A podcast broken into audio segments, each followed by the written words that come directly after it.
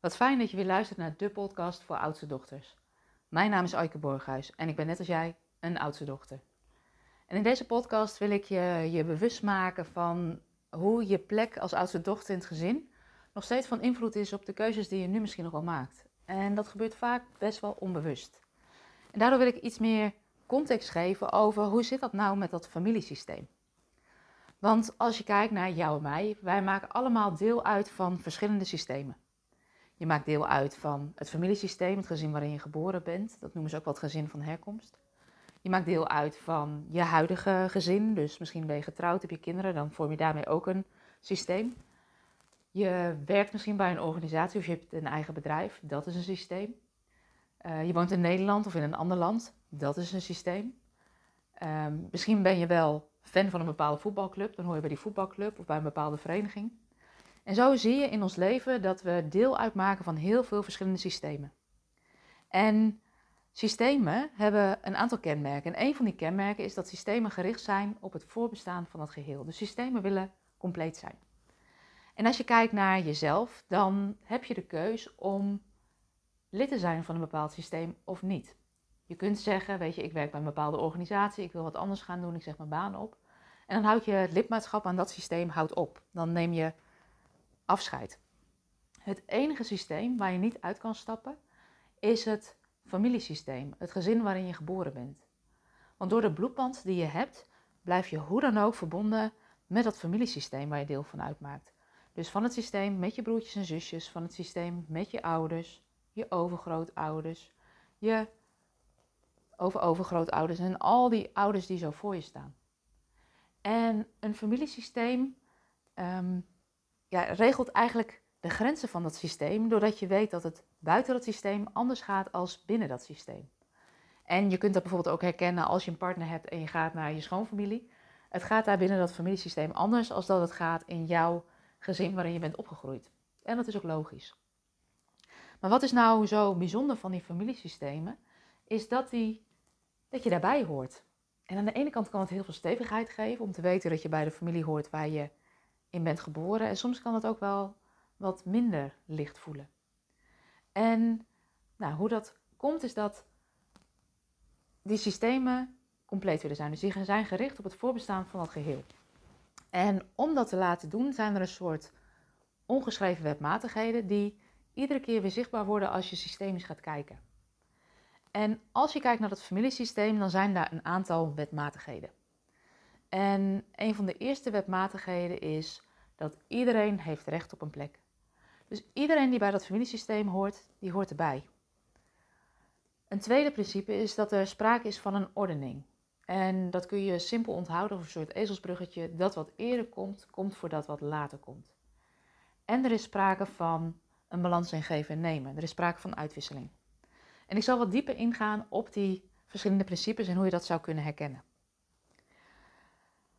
De ordening spreekt eigenlijk voor zich. Als ik uitleg van dat wat eerder komt, komt voor dat wat later komt, dan voel je vaak al wel dat dat klopt. Je ouders hebben een andere plek in het familiesysteem dan dat jij dat hebt. En je ouders komen namelijk een generatie eerder, dus staan in de ordening boven jou. Vervolgens heb je ook een volgorde van broertjes en zusjes. En je zou dat kunnen zeggen, jij als oudste dochter neemt de eerste positie in en je broertjes en zusjes nemen positie 2, 3, etc. in. En dat zegt niks over de belangrijkheid of de waarde van jou als mens, maar wel over de plek en positie die je inneemt in dat systeem.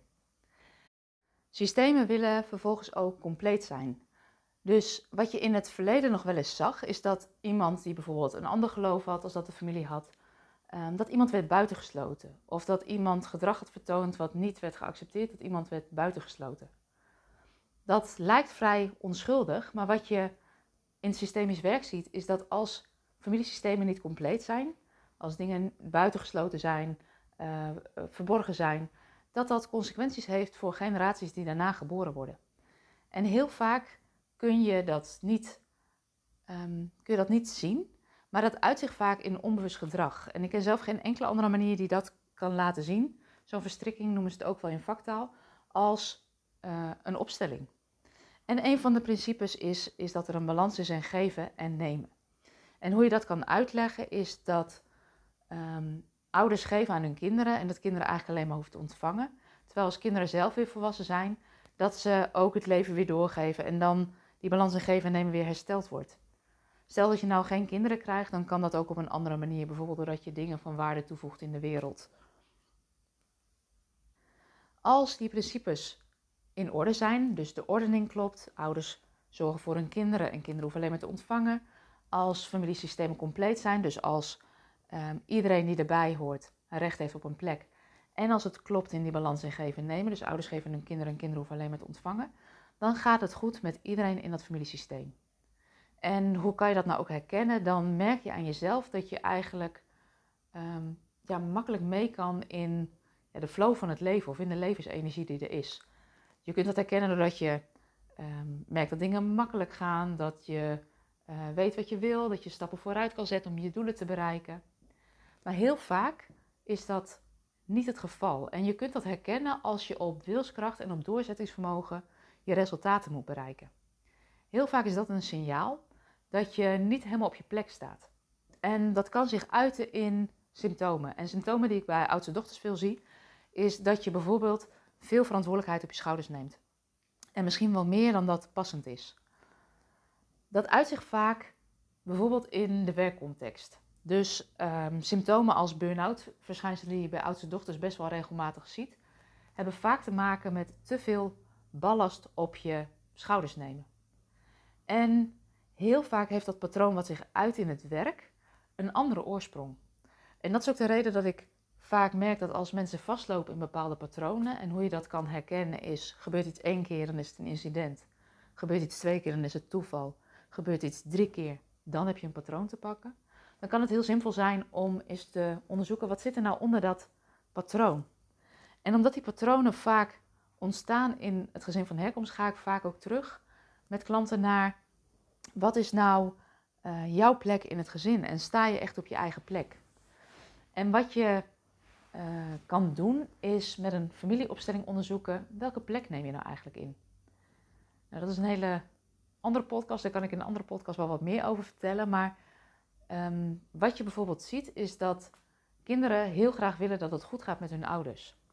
En als kind ben je van je overleving ook afhankelijk van je ouders. Dus je hebt er ook belang bij dat het goed gaat met je ouders. En wat er nog wel eens gebeurt, is als ouders zelf niet helemaal goed op hun eigen plek staan als ouders, is dat kinderen onbewust en uit grote liefde voor het systeem gaan zorgen voor hun ouders.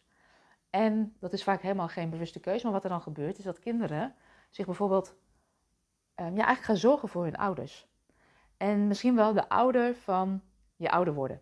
En dat kan je bijvoorbeeld ook zien op het moment dat er uh, psychiatrische problemen aan de hand zijn bij je ouders.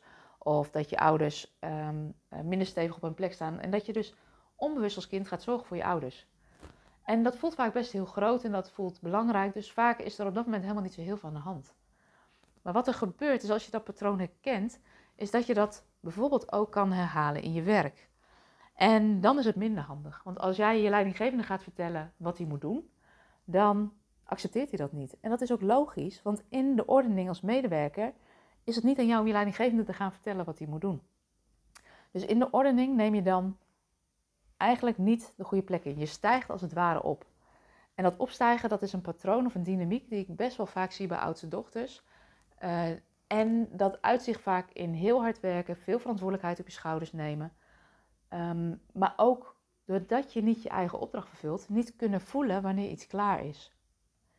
Nou ja, dat uitzicht vaak in burn-out klachten en uh, te veel verantwoordelijkheid op je schouders nemen. Dus als je dat herkent, als je niet kan voelen van hé, hey, wanneer is mijn opdracht klaar, dan kan het heel simpel zijn om eens systemisch te kijken wat er aan de hand is.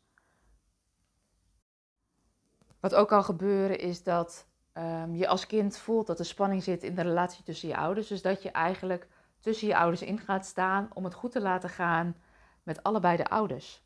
Maar wat daarin als kind zo ingewikkeld is, is dat je als kind, ja, je bestaat voor 50% uit je moeder en voor 50% uit je vader. Dus het kan een heel verscheurd gevoel opleveren als je moet kiezen tussen het ene ouder en de andere ouder. Dit is een patroon wat je bijvoorbeeld zou kunnen herkennen bij jezelf als je veel op mediation plekken aan het werk bent. Dat is vaak een plek en positie waar je als kind al, ja, die, die heel vertrouwd voelt. Maar de vraag is, maak je dan helemaal je eigen keuze? Of ben je onbewust trouw aan de dynamiek die je vanuit het familiesysteem zo goed kent. Een andere dynamiek is ook dat ouders geven aan hun kinderen en dat kinderen eigenlijk alleen hoeven te ontvangen. Maar wat je ook merkt is als kinderen voelen dat hun ouders behoeftig zijn, is dat dat verschuift. Dus dan gaan kinderen zorgen voor hun ouders en ouders gaan wat leunen op hun kinderen. En dat belast kinderen. En wat je daarin bijvoorbeeld zou kunnen herkennen, is dat je eigenlijk voelt dat je, als je volwassen bent, je vleugels wel uit wil slaan, je eigen keuze wil maken. Maar dat je voelt dat iets je terugtrekt of dat iets je remt, omdat je je ook nog verantwoordelijk voelt voor het zorgen van je ouders. En heel vaak gebeurt dat onbewust. En wat je doet als je systemisch gaat kijken of een opstelling doet, is dat je eigenlijk zicht krijgt op hoe verhouden mensen zich onderling en onbewust nou tot elkaar. En kloppen de, uh, kloppen de posities en de ordening. En op de plek waar jij staat, sta je dan op de plek waar je energie vrij kan stromen? Of uh, ben je onbewust nog bezig met mensen in je familiesysteem, waardoor je minder vrij bent om je eigen keuzes te maken? En wat je in zo'n opstelling kan doen, is je eigen plek innemen. En dat kan je doen uh, door het doen van een familieopstelling met een ervaren begeleider. En daar zou ik je echt wel toe op het hart willen drukken. Zorg dat je met iemand werkt die goed is opgeleid. Die kan zorgen dat um, je je eigen plek in dat familiesysteem weer inneemt. En wat ik terugkrijg van klanten en wat ik zelf ook ervaar als ik voor mezelf een opstelling laat doen, is dat um, het me altijd weer inzicht geeft in, hey, hoe zitten de dingen nou onbewust in die onderstroom?